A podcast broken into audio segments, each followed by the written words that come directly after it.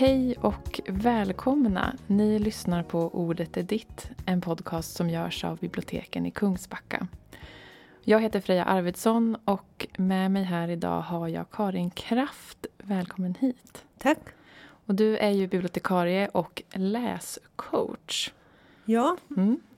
Och det här avsnittet ska vi ägna åt läsandet, om varför läsande får oss att må så bra men också hur man kan göra för att få till sitt bästa läsande. Kanske man skulle kunna säga att det är första hjälpen i läsning. Kan inte du berätta lite vad det innebär att vara en läscoach? Ja, det innebär ju kort att man träffar olika personer som vill få till en bra läsvana. Och så hjälper man dem med det. Ungefär som en personlig tränare. Mm. Är det liksom, har du kommit på läscoach eller finns det många läscoacher? Alltså när jag har googlat så har jag sett att det har använts men inte liksom som en utarbetad form. Nej. Och jag gjorde så att jag hade tio provpersoner mm. som jag använde för att utarbeta en metod. Mm. Mm. Och så lärde jag mig själv längs vägen. Så Mm. det är en egen metod kan man säga. Ja, vad spännande. Har du själv velat ha en läscoach någon gång? Ja, ibland. När jag också hamnar i läsvackor, för det händer. Mm. Då får jag försöka vara min egen läscoach. Mm. Mm. Fint. Jag tänker vi ska börja lite med dig och din läsning. Mm. Vad har du för böcker på ditt nattduksbord just nu? Just nu så läser jag Proust, Mm. första boken, för jag har en Proust-bokcirkel. Och sen så har jag, läser jag också Alex Schulmans nyaste roman. Den läser jag på mobilen. Ah, Mm. den här, eh, vad heter den? Det handlar Vid om... vägens slut. Just det. Mm. Just det, det handlar liksom typ om hans uppväxt fast det är en roman så det handlar ju inte Nej, om hans uppväxt men Mm. man kan ana det. Också nyfiken på när du fastnade för läsandet. Ja, det kan jag säga. Jag knäckte läskoden ganska sent. Kanske i slutet på ettan. Och jag hade också så här en speciallärare som hette Tryggve som jag fick gå till. Och sen helt plötsligt så släppte jag det. Och då vet jag att jag läste Emil i Lönneberga. Mm. Och det var också... Det gick på tv då. Så jag Mm. låg ett kapitel före och sen såg jag liksom avsnittet på lördag eller fredagskvällen eller när det var. Mm. Och sen var jag uppvuxen på landet. Närmaste kompisen bodde väl en kilometer bort. Så det var mycket tid för läsning. Jag kommer också från ett läsande hem. Så det var, ja. Jag är ju född på 1800-talet håller på att säga. Nej, men jag växte upp på 70-talet. Mm. Då var ju läsningen lite större. Ja. Mm. Har du någon sån liksom, stark, ett starkt läsminne som har påverkat dig? Ja, det är många. Mm. När, dels var det den här första boken. Och sen var det ju Anne på Grönkulle. Mm. Och så var det också Sylvia Plath. Glaskupen. Ja, Mina drömmars dag av Anders Fogelström. Mm. Mm. Så det är en del. Men jag kommer också ihåg en gång när jag var 15 år och jobbade och sålde jordgubbar. Och jag läste den här Papillon. Den här boken om han som rymde från Guantanamo. Då satt jag på bordet där och läste och flera gånger hände det att folk skulle komma och köpa och, jag, och de fick liksom ropa på mig för att jag skulle komma, ja, komma till verkligheten. Mm. Mm.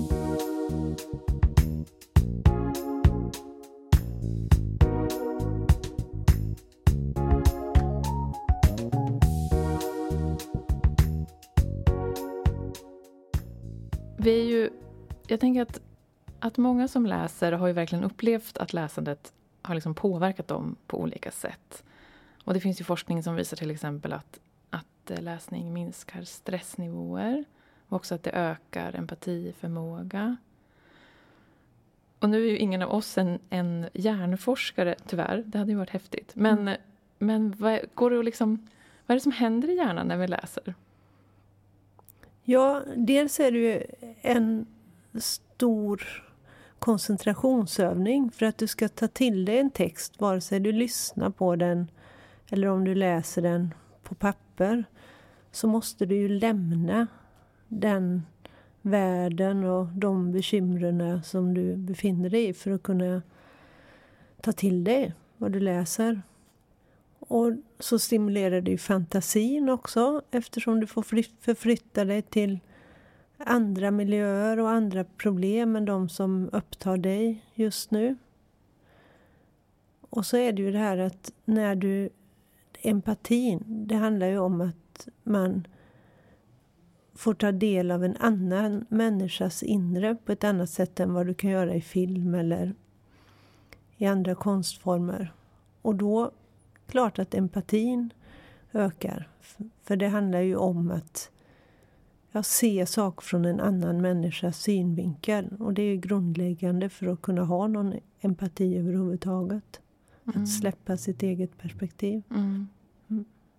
Ja, och det finns ju, när man liksom tittar på andra människor, alltså typ man tittar på en dansföreställning till exempel, så eh, uppfattar ju hjärnan, det finns något som heter spegelneuron, att hjärnan liksom speglar kanske då en dansares rörelser.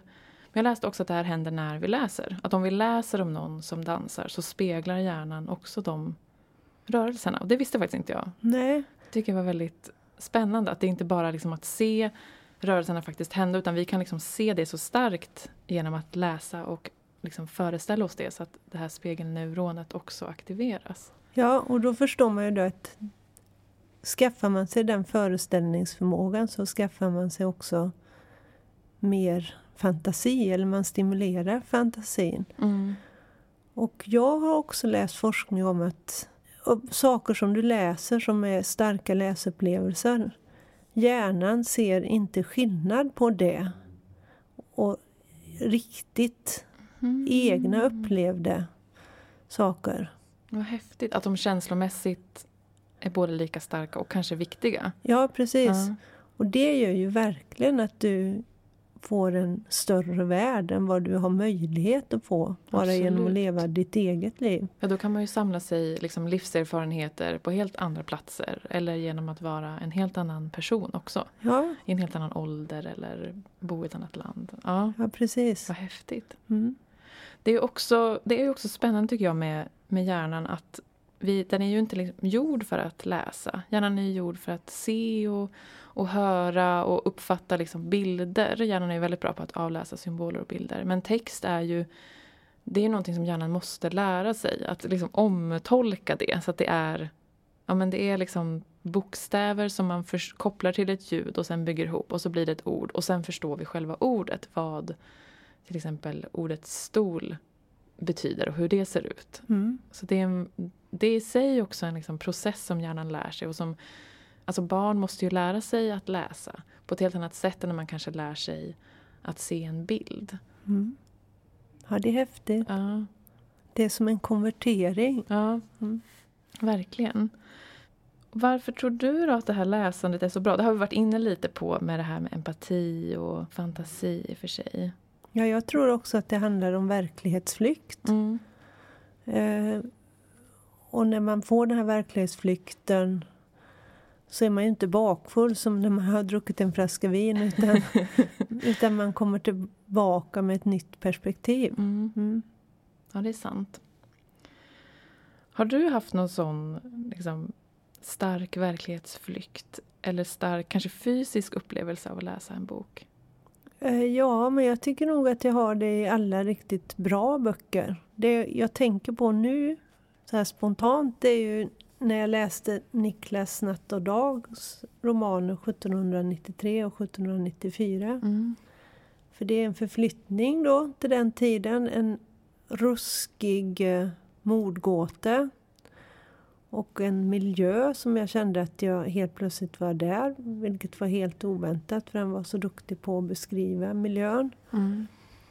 Och det var så obehagliga saker som hände. Så att det skar i hela kroppen på mig. Mm. Men skräck är ju också bra. Det finns ju forskning på i alla fall skräckfilm. Att det tränar vårt vår förmåga till att liksom vara rädd och skydda oss. Och det i sin tur det ökar artens överlevnadsförmåga Mm. och, och lära sig hantera de sakerna. Ja, vad spännande. Ja, för annars, jag tänker att man ofta pratar om att, att det inte är så bra att utsätta sig för kanske skräck eller våld i, i till exempel film eller i böcker också kanske. Att, det liksom, att man typ vänjer sig vid ett våld eller, eller att man skulle bli mer våldsam om man tar del av mycket eh, liksom, tv-spelsvåld. Men vad spännande att det är bra för oss. Ja, alltså det är ju olika personer hur Mm. mycket man tål då. Mm. Men det, det kan vara bra. Mm. Och det är ju också en väldigt kontrollerad form att uppleva rädsla. Och det Mm. kanske man behöver träna sig i. Mm. Jag upplever också att man kommer väldigt nära karaktärer när det är mycket hemskt. Och mycket, eller jag läste den här Ett litet liv i somras. Ja, den har jag också läst. Ja, och där är det ju mycket självskadescener som Mm. är väldigt obehagliga. Ehm, men de gör också, också att... Eller jag, jag blev... Den boken... Ja, mot slutet på den boken så var jag så omskakad. Jag klarade nästan inte av att läsa ut den. Inte för att det var grafiska scener eller för att det var hemskt på det sättet utan för att jag, jag kände så mycket med den här karaktären och ville så mycket att det skulle bli bra. Och klarade inte av liksom, ka- huvudkaraktärens öde, eller vad man ska säga. Jag klarade av de här självskadescenerna, men jag klarade inte av ödet. Och det tänker jag handlar om att jag kom så nära, Mm. för att det var så fysiskt. Liksom. Ja, så Ja. Den upplevelsen hade jag också utav den boken. Mm. Samtidigt var det någonting i det här att det var så hemskt och jag klarade inte av det. Men det suddade ut mina egna, mitt eget liv. Mm. Alltså på något märkligt sätt så var det också en tillfredsställelse i att komma det här hemska så nära. Jag kan inte förklara, men förstår du vad jag menar? Ja, men det blir väl också en, en flykt eller kanske en förskjutning på något sätt. Att man får hantera, eller man, får känna, man kan känna igen sig i smärta men det kanske är en annan typ av smärta. Så det är inte, det är inte helt sin egna smärta man hanterar men man hanterar den ändå. Mm. Ja, precis. Genom inlevelse. Mm. Mm.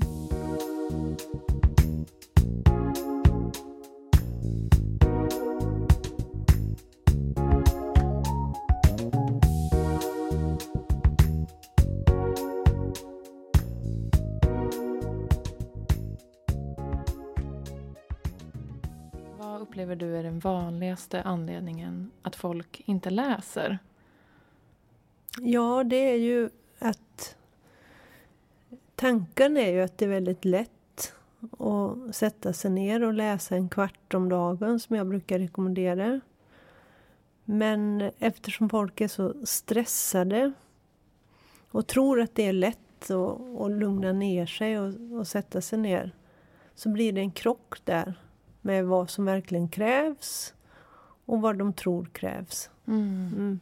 Så att de tänker att jag vill börja läsa, det är bara att sätta sig ner. Ja. Och sen så går inte det för att man kanske har tusen saker att tänka på så man hinner inte göra det. Nej, men eller man kan inte koncentrera Ja. sig. Eller... Då kanske man också får lite dåligt samvete om man tänker att det ska vara så lätt att Ja. läsa och jag hinner ändå inte läsa en kvart om dagen. Ja, precis. Ja, ja stress och tid. Det, Alltså. För det, det här är ju grundläggande när jag haft min läscoach. Mm. Att jag försökt säga till dem att vänta nu med den här vanan en vecka och tänk efter när du ska börja. Mm. Men många säger nej men det här börjar jag idag. Mm. Och det är klart att det går den dagen. Men sen är det ju så att man har ju... Det är mycket i, i, vårt, i vår vardag som skö, sker automatiskt som vi gör utan att tänka på. Mm. Och till slut ser hela dagen ut så. Massa automatiska eh,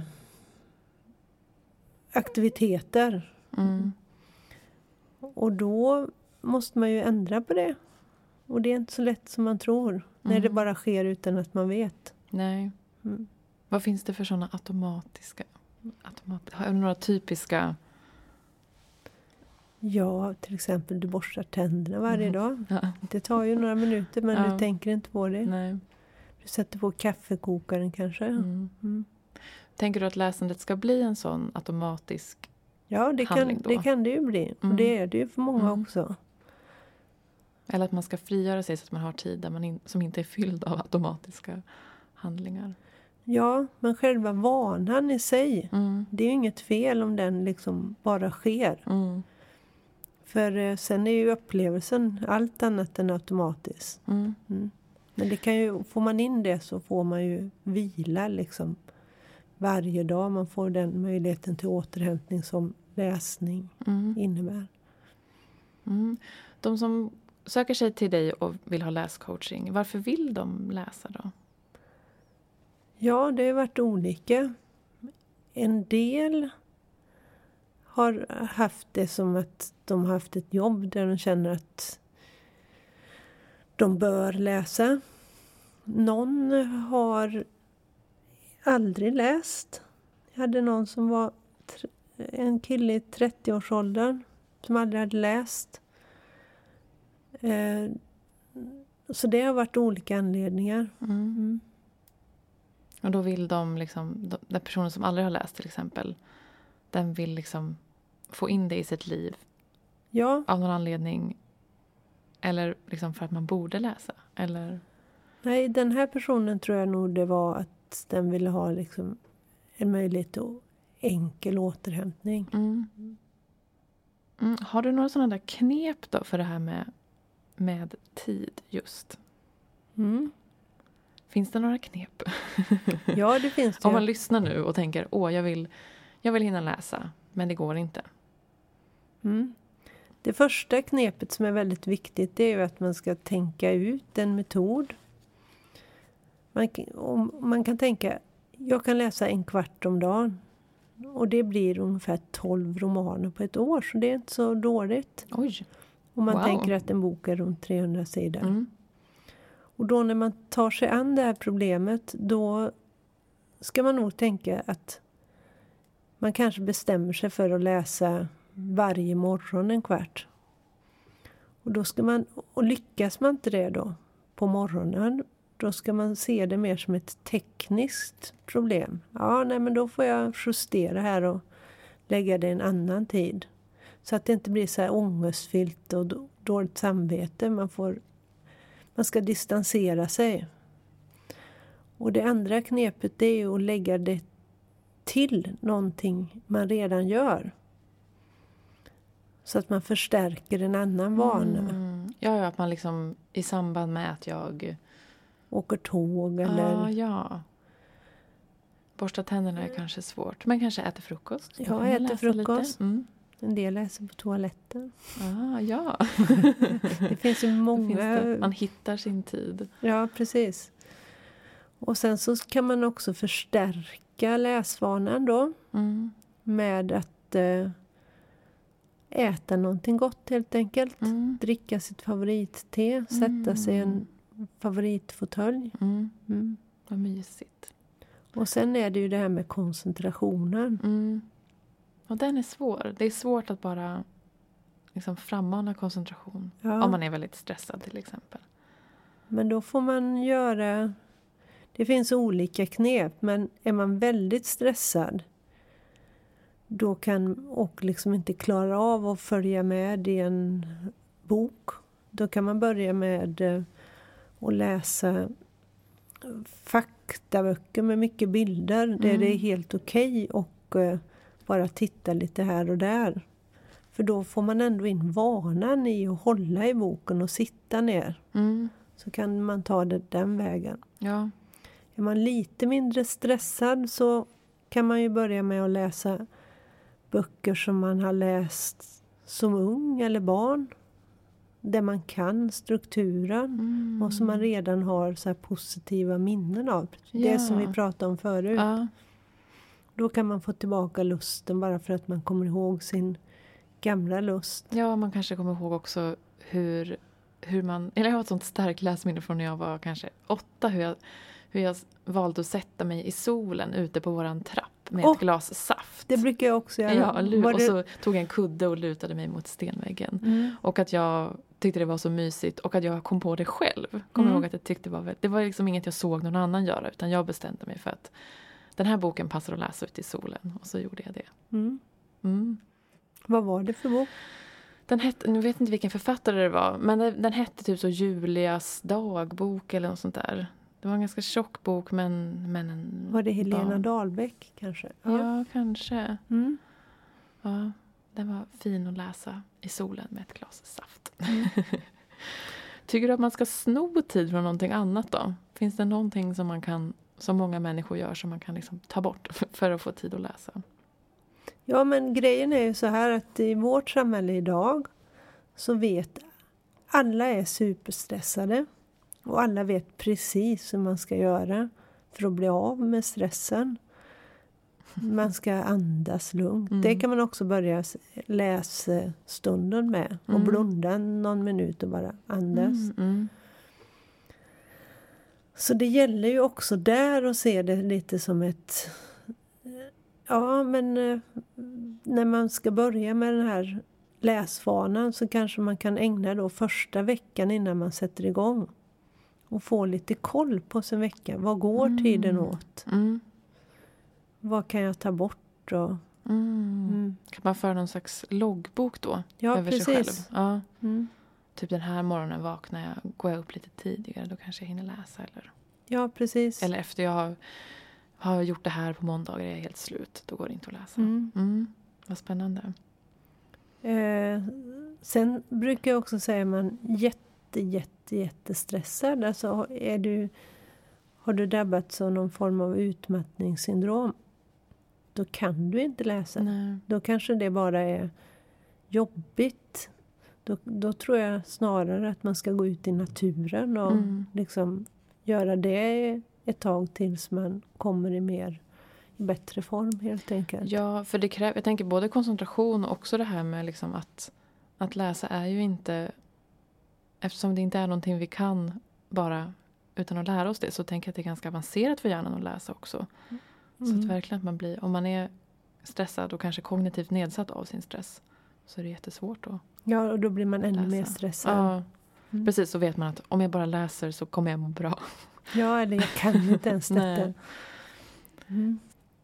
Du pratade också lite i början om det här med att vara läscoach som en personlig tränare. Mm. Finns, vad finns det för likheter mellan läsning och träning?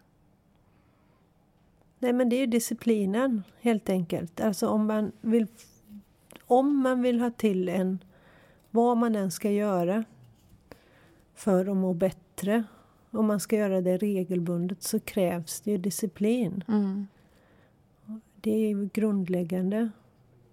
Sen får man ta sig an det med disciplin på olika sätt så att man inte blir för sträng. Det finns ju också forskning som visar, det har jag läst faktiskt som träning, att du, du lyckas bättre om du har mindre mål. Mm. Alltså mål man kan uppnå. Ja, precis. Och då stärker du ditt självförtroende Mm. och, så, och sen så kan man bygga på efterhand. Mm. Och en disciplin som säger att du ska läsa 100 sidor om dagen och så lyckas du det med i två dagar och sen misslyckas du med det i tio dagar. Mm. Då sänker du ditt självförtroende och då när du har sänkt självförtroende så är det svårare att nå det målet. Mm. Ja, det här roliga kopplat till läsning eller kanske att man kopplar ihop läsningen med något trevligt eller mysigt blir svårt då om man ska sitta där och läsa hundra sidor en dag när man har kommit hem från jobbet sent och är trött. Och, ja. Mm. Ja, och sen när man att nå sina mål och lyckas med det man har förutsatt sig det sätter ju igång belöningssystemet. Tycker du att det finns regler kring, eh, kring läsning? Nej, Som, nej, men har, tycker du att folk har uppfattning av regler? ja verkligen. Ja, vad kan det vara för regler då? Nej, en regel är ju att man ska läsa ut en bok alltid, hur tråkig man än tycker den är. Mm. Det kanske kan vara bra att traggla lite i början. En annan är ju att man ska läsa från perm till perm. Ah, ja, den känns väldigt central. Ja. Jag har ju en svägerska, hon brukar alltid, när hon läser deckare så brukar hon alltid börja med slutet. Okej. och det får man inte, särskilt inte i deckare. Nej, Vad men då spännande. känner hon sig väldigt smart Ja. under tiden hon läser. Ja, så att hon, hon liksom har lösningen och så kan hon känna Ja. sig smart. Ja, på tal om självförtroende. Ja, tänker också att man, det kan ju vara stärkande att känna sig lite som en rebell också. ja precis. Många har ju, jag tänker att många har med, eh, många har med från skolan att, de kanske, att man får inte göra på ett visst sätt eller det var fel att läsa så. Eller, och då kan det vara skönt att bara bryta helt och hållet mot det där hur man får göra Mm. och inte får göra. Och jag tänker också att när, om du börjar träna någonting, alltså jag tänker fysiskt som du inte har gjort förut, Mm. Så gör du det för att du ska kunna det och bli bra på det. Mm. Men första gången så kan du inte. Och för att inte dö eller få hjärtinfarkt så måste du fuska lite. Mm. Och så kan man också tänka med läsningen. Att i början kanske man måste fuska lite. Mm. Och sen blir man bättre och bättre. Mm. När jag var ung så förstod jag mig väldigt dåligt på miljöbeskrivningar i böcker. De tyckte jag var jättetråkiga och jag hoppade ofta över dem. Men idag är ju miljöbeskrivningar någonting som jag verkligen sätter värde på. Mm. Det är väl ungefär som när man är på ett hårt träningspass. Man orkar inte det här, Mm. men till slut är man där. Mm. Men hade man gjort, försökt liksom göra allting man inte kunde så hade man tröttnat. Mm. När jag var yngre läste jag ofta, och när det var dialog så läste jag ofta bara vad allt sa. Och inget sånt här, sa hon och strök håret bakom örat. Och det fick jag höra någon gång att så här, nej men gör du det? Det får man inte göra. Men jag älskar att läsa så. Det går Ja. jättefort och det är, framförallt om det är spännande är det väldigt roligt att läsa så. Eh, och man förstår ju ändå vem som säger vad oftast. Det är ju inte så Ja, liksom det finns inget det. i lagboken Nej, som nej. säger hur man ska läsa. Och om man tänker att det ska vara lustläsning Mm. så är det ju väldigt viktigt att försöka ta bort alla pekpinnar. Mm. Jag tror att det kommer sig av att från början så läste vi bara religiös litteratur. Mm. Mm. Ja, Bibeln är ju den, den första skriften på många sätt. ja, och Lilla katekesen och det har Ja. liksom satt en norm för att läsning är något strängt. Mm. Skönt att frigöra sig från det. Ja. Ja.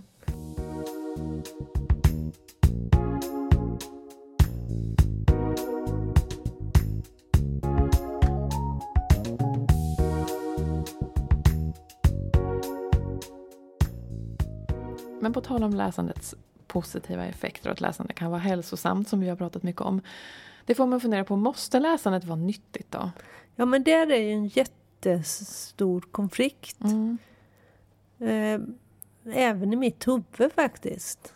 Alltså, för ett stort problem idag tror jag med all stress det är att vi vet massa saker om hur, vad man ska göra som är nyttigt. Och så har vi andra normer som alla vet att man ska stänga av jobbtelefonen på kvällen. Sen så gör ingen det. Så blir det en annan norm och de krockar. Mm. Och så vill man vara nyttig. Eh, så jag har inget riktigt svar på det men man kanske kan se det som en bieffekt då, att det är nyttigt. Mm. Precis, en bonus Ja, att det är nyttigt. Men finns det läsande som är onyttigt då? Eller farligt? ja det är kanske om man läser anarkistens kokbok och börjar göra bomber, jag vet inte. ja, det, kan, det kan vara farliga konsekvenser. Ja, nej, jag tror inte riktigt på det utan jag tänker att alltså självklart så kan allting vara farligt om en människa gör det med fel intention. Mm. Jag kan ju också vara farlig här om jag säger någonting väldigt dumt. Eller, Mm. eh, vad tror, hur tänker du runt det? Om läsandet måste vara nyttigt, eller jag tänker att det finns en fara i att, alltså både och. Jag tänker att det finns en styrka i att kunna bevisa att läsning är nyttigt och att forskning visar vad läsning, att det gör en massa spännande saker med hjärnan och att det lär oss en massa saker. Eh, men det kan ju också vara lite farligt att om det blir så att det måste vara det. Att man måste kunna bevisa vilken typ av konst då som gör saker med hjärnan för att den ska få, få, liksom, få finnas. Eh, för jag tänker att det händer massa saker som man inte kan bevisa än också kopplat till konst och kultur. Ja. Och att det kanske också får räcka att man själv känner att man lär sig saker eller att man mår bra av att läsa. Mm. Men också att eh, jag tänker att läsning som inte är jättekul också kan vara bra. Eller att läsning som inte är lustfylld först också kan vara bra. Men det handlar väl också om det här, man kanske inte ska börja med att läsa en sån jättetung klassiker om man inte har läst på länge. Eller en liksom jättesvår bok. Men att även böcker som är lite svåra att ta sig igenom tänker jag kan ge väldigt, väldigt mycket. Mm. Ja, det är en konflikt det här mellan vad som är liksom nyttigt och kanske är lättläst. Men det lättlästa kanske minst är lika nyttigt som någonting väldigt svårläst. Men, men det svårlästa kanske utvecklar ens läsande mer beroende på vad man är. Och, ja. Ja. ja, precis. Nej, jag tänker också att läsupplevelsen måste vara upp till varje person. Och vad den får ut av det. Mm. Vi har ju någonting som heter norska långserier. Mm. Sandemose tror jag var den första. Mm. Så finns det en som heter Laila Bränden. Och det är alltså långa serier på... Det kan vara 20, 12, 30 böcker. Mm. Och då är det ganska formelartade historier. Och det är kärlek och främlingar och familjebråk och sen man får följa generationer. Och det kanske kan vara en fantastisk verklighetsflykt Mm. för någon. Mm. Mm. I den situationen. Mm. Men jag kanske som har jag kanske har en annan syn på vad kvalitet är för mig. Mm. Så för mig så kanske jag skulle dö om jag läste en sån bok. för man har van, det är liksom vanor så. Ja. Nej, så jag tycker att där får man nog vara försiktig i att säga vad som är bra att läsa för någon Mm. annan. Mm. Sen om det, är, om det var, är farligt så tänker jag också... Ja, då tänkte jag på skräck mer. Mm. Men jag tänker att man, om man inte... Man gör ju själv bilderna. Så man anpassar ju det efter vad man tål Mm. på något vis. Ja men precis, man, man skapar bilderna själv och sen kan man också väldigt lätt pausa ju också när man läser. Man, att fortsätta ändå en aktiv handling jämfört med kanske man kollar på en film. Då är den aktiva handlingen att pausa Ja, precis. kanske. Ja, jag tänker att det kan att läsande kanske kan vara farligt också om man, om man eller inte farligt, men inte så utvecklande om man alltid läser samma samma typ av berättelse kanske. Eller, fast det känns också... Ja, det kan ju ändå vara återhämtning, Ja, ja.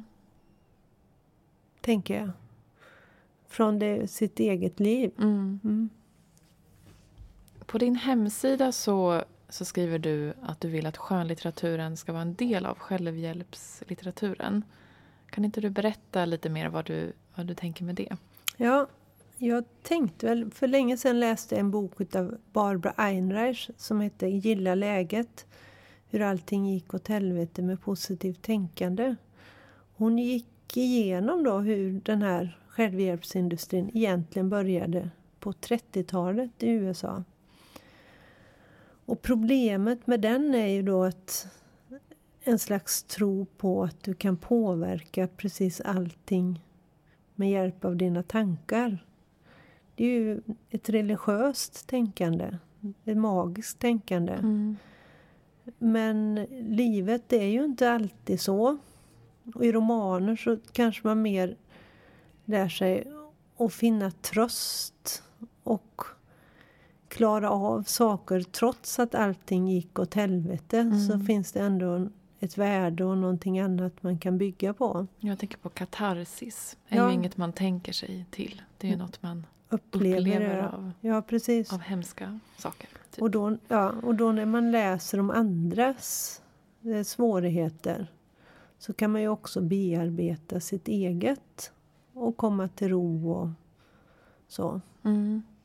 Så det är så jag tänker. Och Ja, vad spännande. jag tänker att den här själv... Ja, idag är det ju så himla... Den är ju så utbredd. Mm.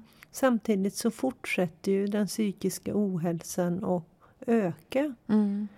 Och man borde ju inse att det är något fel. Mm.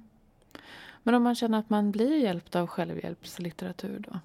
Ja, Är det fel då? nej, det kan aldrig vara fel. Nej. Men jag tror också att en stor del av det att man blir hjälpt, det är själva läsupplevelsen. Mhm, mm. Och för, annars skulle du inte ha behov av, av att läsa ännu en självhjälpsbok Nej, efter ett tag. nej precis. Och positivt tänkande, det kanske funkar jättebra när du är på en fotbollsplan och ska göra ett mål. Mm. Men eh, sen i livet så du har liksom inte koll på alla parametrar. Nej. Du kan inte kontrollera om det kommer en pandemi helt plötsligt. Eller, Nej, man kanske inte heller vet vad det är som är en, det egentliga problemet. Eller det kanske är väldigt många olika saker. Det kanske inte är att man lätt stressar upp sig som är det egentliga problemet. Det kanske är omgivningen eller så. Mm. ja, precis. Olika saker. Och sen är det ju också att man måste lära sig att se skillnad på kritiskt. Nu har ju det här positiva tänkandet, tycker jag, då, det har gått så långt. Så man har tappat förståelsen på skillnad på negativt tänkande och kritiskt tänkande. Mhm. Och Mm. kritiskt tänkande, det måste du ha för att kunna lösa ett problem. Eh, och Ja, Ja. för att kunna se, alltså kunna kanske se att det inte är ens egna fel. Eller tänker att mycket dåligt mående också kan handla om liksom, att man har dåligt samvete när man kanske egentligen är maktlös. Men om man ska då positivt tänka sig ur det så ser man ju kanske inte heller att man kanske inte kan göra det utan att man behöver kanske göra något annat. Liksom. Inte bara tänka sig bort från det. Om du förstår vad jag menar. Ja, och Mm. jag menar också att om du sitter i ett problem, om du, ser, om du sitter i en situation och bara tänker positivt eller om du ska lösa ett problem, då måste du kunna tänka kritiskt för att komma framåt Mm, till en bättre punkt. mm, Och, men det är ju nästan så att man är rädd för det idag. mm. Ja, Och det, och det övar man ju då med läsningen menar jag. Sin föreställningsförmåga och analytiska förmåga. Det finns det också forskning på. Mm. Ja, man kanske inte heller... Att tänka positivt utifrån en plats där man är med ingen input av kanske liksom en skönlitterär värld eller en skönlitterär karaktär kan ju vara väldigt svårt också. Jag tänker att när man läser så, så föreställer man sig ju världar man aldrig hade kommit på själv. Ja, precis. Och det kan ju också bli ett sätt att liksom föreställa sig en annan värld eller en annan möjlighet eller eh, Exakt det Ja. jag är ute efter. tänka, tänka ja, men kanske, men tänka, det är ju också kan bli ett, ett, ett sätt att tänka positivt. Man gör det, eller tänka liksom på något annat i alla fall. Mm. Jag ser det från ett annat håll. Mm. Ja, verkligen. Vi har ju faktiskt biblioterapiträffar här på biblioteket Mm. som heter Samtala om livet. Och det har, jag har varit med på en av dem och det har varit väldigt bra att liksom få prata om någonting som berör en själv men som under samtalets gång så får man verkligen också prata om karaktärerna i texten. Och man kan också, men man kan också prata om sig själv. Man kan också typ leva sig in i hur en karaktär i en text tänker kring en viss fråga eller så. Hur kan man på andra sätt få in skönlitteraturen i, i självhjälpssammanhang eller vad man ska säga? Nej, men att prata om litteratur är väl Mm. jättebra. Och sen är det ju den här disci- egna disciplinen då, Mm. tänker jag. Men jag tänker också att när man pratar om eh, böcker det kan också vara ett sätt att komma nära andra människor Mm. Utan att lämna ut för mycket av sig själv. Mm. För när man pratar om vad man än pratar om menar jag så pratar man på något sätt alltid om sig själv. Så när man läser en bok tillsammans så dels så får man ju deras andras eh, input från deras utgångspunkter. Så romanen växer ju. Mm. Mm.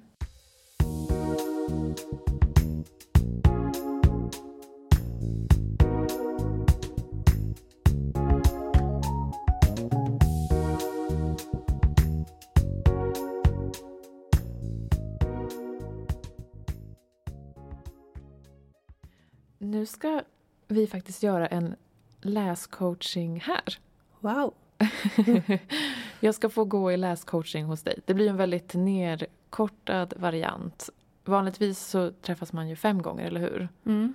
Eh, och så, hur länge träffas ni då? Är det typ en timme? Eller? Ja, mellan 50 Mm. minuter till en timme. Så det här blir verkligen en light version. Men kanske som en... Om vi skulle träffas första gången och jag har sökt läscoaching hos dig. Ja, precis. Ska vi börja? Ja.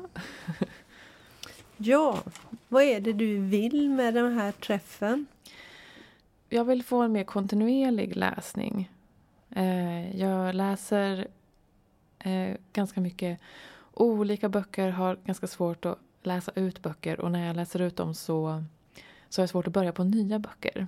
Jag vill nog kanske liksom få upp mitt, mitt läs, min läsmängd, tror jag. Mm. Att det är liksom det jag vill. Mm. Hur länge brukar det dröja innan du sätter igång eh, med en ny bok efter att du har avslutat? Eftersom du ser det som ett problem. Ibland, ibland, mån, alltså ibland kanske en eller två månader. Men ibland så börjar jag ganska kort därefter. Men om det är en bok som blivit väldigt tagen av så kan det ta i alla fall en månad innan jag känner att jag kan börja en ny. Mm. Jag tänker att du kanske skulle göra så att du... Ja, jag brukar också ta en paus på en dag för att, för att boken ska smälta. Mm. Och det är många som behöver det. Men du kanske skulle ha en annan typ av böcker och varva med då. Mm. Antingen om du läser någon... Vad tyck, tycker du om eh, debattböcker eller... Jag har aldrig läst en debattbok. Nej. Jag kanske ska testa. Jaha. är det något ämne som du skulle vilja fördjupa dig i? Mm. Ja, men de kanske inte riktigt är inom debatt. Men det hade varit... Eftersom jag jobbar också med, med konst och kultur men också är engagerad liksom inom det utanför jobbet hade det varit kul att läsa om någonting kopplat till ja, men, konst och kultur fast kanske mer vetenskapligt. Mm. Okej. Vad jag gör nu är att jag skriver upp vad du vill läsa. Mm. Och sen eh, när jag går hem så, går jag, så skriver jag ihop en förslag på läslista till dig. Mm, Till böcker mm. som jag tror skulle kunna passa. Ska det vara typ populärvetenskapligt eller vill du ha lite tyngre? Alltså, en sak som jag vill läsa men inte läser så ofta är ju essäer. Mm. Ehm, men jag är inte så bevandrad. Vad är, vad är en typisk populärvetenskaplig bok? Den är skriven med tanke på att kunna nå en lite större publik. Mm. Lite mindre nördigt skulle man säga. Mm. Det låter ju skönt för att det kanske inte är lika svårt. Ja, Men om det går att det är nördigt och inte för svårt. okej. Jag skriver upp det. Ja. Mm. Eh, vad, vad tycker du om serier? Läser du serier? Mm, men det gör jag ibland. Eh, jag brukar läsa svenska serietecknare. Mycket Galago. Mm. Eh, seriealbumen liksom. Tycker jag är, är kul. Det är ju en ganska bra sak annars att varva Mm. med. Mm, det är sant. Om du läser, om vi säger att du tar en paus på en eller två dagar och sen läser ett par serieböcker. Mm. Och för- sen sätter igång med en ny roman eller... Mm, ja, för det finns ju någonting också. Eller jag blir motiverad av att liksom känna att jag läser ut saker eller känna att jag läser mycket inom citationstecken. Men det behöver inte vara mycket som i liksom många sidor. Men jag kan tycka att det är motiverande om jag kanske läser ut en diktsamling på en dag. Att jag läser den ganska snabbt. Eller Mm. läser ut en då seriebok på en dag. Så det kanske är bra. Att liksom få några gjorda. Och sen är det inte, då blir jag kanske inte så stressad över att jag måste skynda mig och läsa ut en ny roman. Utan då kanske jag kan få vara lite lugn i det. Ja. Men en variant är också att man läser en dikt om dagen Mm. under de här perioderna när man återhämtar sig. Mm. Mm. För en dikt kan ju verkligen... Det kan ju räcka. Mm. Mm. Eller kan, och sen kan man också göra så att man läser en dikt i fem dagar. Ah, att man läser samma dikt. Ja, Mm. och upptäcker den på nya Mm. sätt hela tiden. Mm. Mm. Eh, gillar du översatta dikter eller vilka språk läser du på? Jag läser nästan alltid på svenska. Oftast skrivet på svenska, men ibland översatt till svenska. Mm. Ja, men då när vi tänker på dina läsvanor då. Tänker du att du vill ha en läsvana där du ska läsa varje dag? Mm. Jag vill nog ha någon läsfri dag Mm. i veckan. För att läsandet också kan bli lite som ett måste för mig ibland. Mm. För att jag jobbar mycket med litteratur. Men jag vill kanske läsa fem dagar i veckan. Fem dagar i veckan. Mm. Eller fyra. Jag tänker att du nog ska skaffa dig en almanacka. Mm. Mm. Och då ska du kryssa för de dagarna du har läst. Mm. Och nu den första fem veckorna då innan vi träffas igen. Då kan det hända att du inte har läst fyra dagar i veckan. Men försök bara att se alla de dagarna du faktiskt har läst. Mm. Jag, ska inte, jag ska inte försöka läsa fem dagar i veckan nu. Utan jag ska liksom Jo, bara läsa när jag... jo, vill, eller? Jo, du ska försöka. Mm. Men man kan inte räkna med att det funkar alldeles från början. Hur mycket vill du läsa då? Jag vill nog ha ett långt läspass i alla fall i veckan. Att jag får sluka sig in i, i boken lite. Men vad är ett långt? Kanske två, tre timmar. Två, tre timmar. Och de andra gångerna kan få vara kortare. Mm. Då föreslår jag nu att du under den här första veckan skriver ner ungefär hur dina dagar ser ut. Och sen kan du jämföra med andra veckor. Och sen sätter du igång. Mm. Så om en vecka då nästa fredag Mm. Då ska du ha en idé om hur dina läsvanor ska se ut. Mm. Och då kan, när du tänker ett kortare läspass, tänker du en kvart då eller? Ja, en kvart. En halvtimme kanske. Mm. Mm. Eh, Tänker du, ja, så du får fundera på när du bäst kan lägga det Mm. passet. Nästan när på dygnet. Liksom. Ja, precis. Och sen sätter du igång med det. Mm. Vad gillar du att läsa för romaner? För jag, tanken är också att jag ska ge dig en läslista här. Mm. Eh, mina senaste riktigt så starka läsningar har varit då Ett litet liv som jag läste i somras. Sen Mm. kunde jag inte läsa någonting på flera månader. Men då Eh. kanske du läste väldigt mycket. Den är ju ganska tjock. Ja, jag läste den under lång tid. Mm. Eh, och sen Antiken av Hanna Johansson har jag precis läst. Det var också en väldigt stark läsupplevelse. Vad är det för bok? Det är en eh, nyutgiven bok. Det är liksom en ganska språkfokuserad roman. Men den har också, den handlar om, om en kvinna som, som flytt, eller följer med. Hon lär känna en, en lite äldre kvinna som hon också blir liksom lite besatt av och lite förälskad i. Och sen så får hon följa med henne till hennes sommarhus. Och där är också den här kvinnans tonårsdotter med. Och så flyttas liksom förälskelsen till, tonårsdottern. Och så handlar den mycket om, om den här liksom maktbalansen. Men den är väldigt eh, visuell och sensuell. Och liksom, mm, en väldigt Mhm. vacker bok och vackert språk. Ehm, och sen vad har jag mer läst på sistone? Ja men Karin Smirnoffs böcker Mm. tyckte jag väldigt mycket om.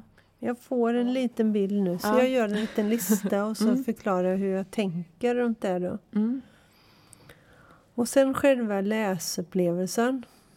Då, det kan vara alltså, många olika knep. Mm. Men ett, en sak som jag nämnde tidigare det är också att förstärka det och lägga det i samband med en annan eh, vana. Mm. Du åker ju tåg Mm. varje dag till exempel. Mm. Det vore ett jättebra tillfälle, tänker jag. Mm.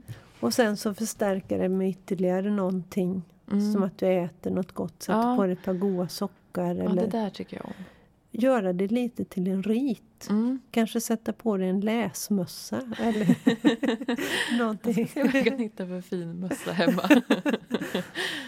Mm, Mm. det låter jättebra. Jag känner mig väldigt inspirerad. Ja, men jag kommer ju höra av mig nu också till dig en gång i Och nu månaden. har vi påbörjat en, en, gång, sån en gång i veckan. Ja. Och då kommer jag fråga hur det går. Mm. Och det är också lite för att Det påminna är dig. bra. Mm.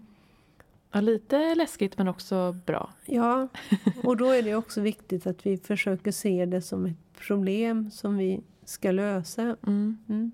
Och sen skulle jag också rekommendera dig att se till att få lite table books, som man kallar. Låna hem det från biblioteket så du Mm. har böcker som ligger framme hemma. Mm. Det har jag faktiskt väldigt mycket. Men det är ett bra tips. Ja, Nästan lite för mycket. ja. Men så, ja, så man Mm. bläddrar. Men byter du Mm. ut dem då? Ja men det gör jag för jag måste ju lämna tillbaka dem till biblioteket. Ja, toppen. Ja. jag lånar väldigt mycket. Både Mm. här och, och på biblioteket där jag bor. Mm. Och sen för att det ska bli bra också så är det en god idé att reflektera lite Mm. runt hur du påverkas av läsningen. Mm. Om det ger dig någon positiv förstärkning. Mm. Mm. Mm. Fint. Och ni som lyssnar tänker jag också ska kontakta Karin och boka in läscoaching med henne. Ska vi avsluta med några snabba boktips? Eller lästips kanske jag ska säga. Vad, vad tycker du att eh, en person som drömmer om en annan värld ska läsa för någonting? Ja, då kan man ju läsa fantasy. Mm. Eh, man kan ju läsa Neil Gaiman till exempel. Mm. Men det finns ju jättemånga långa fantasy-bokserier. Pratchett, Mm. Skivvärlden till exempel. Mm. Och det, Ja. Sen kan man ju läsa historiska romaner. Mm. Mm. Vad tycker du att den föräldralediga ska läsa för någonting då? Ja, den föräldralediga ser ju ut på så många olika sätt. Ja. Eh, Men jag tycker att de ska förflytta sig ifrån sin värld kanske. Läsa om andra tider. Eh, Men ett tips som jag har det är ju Mats Jonsson har skrivit en bok som handlar om tillvaron som småbarnsföräldrar på ett föräldrakooperativ och Mm. hur han får vardagen att gå ihop. Mm. Mm. Låter som att det kan vara ganska roligt, men det kanske är en jobbig bok. Nej, men den är jättekul. Ja, ja fint. Och sen den sista. Vad för, vad för lästips har du till egenföretagaren? Ja, de ska sluta läsa självhjälpsböcker. är de de främsta självhjälpsboksläsarna, tänker du? Ja, det finns ju mycket tro på det här att... Nej, men de ska... Ja, jag känner ju så många olika egenföretagare i olika branscher. Men kanske en bra deckare. Mm. Magnus Montelius har skrivit jättebra deckare. Mm. Mm. Det kan hantera... Egenföretagare är ju ofta lite rastlösa. Så när de är Ja. lediga så är det bra att ha någonting som skärrar upp dem så att de liksom eh, ja, kan hantera lugnet. Mm. Mm. Så att de inte jobbar när de är lediga. Så Ja, de precis. Utan att slukas engagera. Ja. Ja. Mm. ja, vad bra. Tack så jättemycket Karin Mm. för att du har kommit hit idag. Det har varit jättekul att prata om läsning med dig. ja, tack. Det var kul att prata med dig också. Ja. Och tack så mycket till er som har lyssnat. Om ni vill så får ni gärna lyssna på våra tidigare avsnitt. Vi finns där poddar finns och heter alltså Ordet är ditt och är en podcast som produceras av biblioteken i Kungsbacka. Jag heter Freja Arvidsson och idag har jag pratat med Karin Kraft. Tack så mycket! Tack.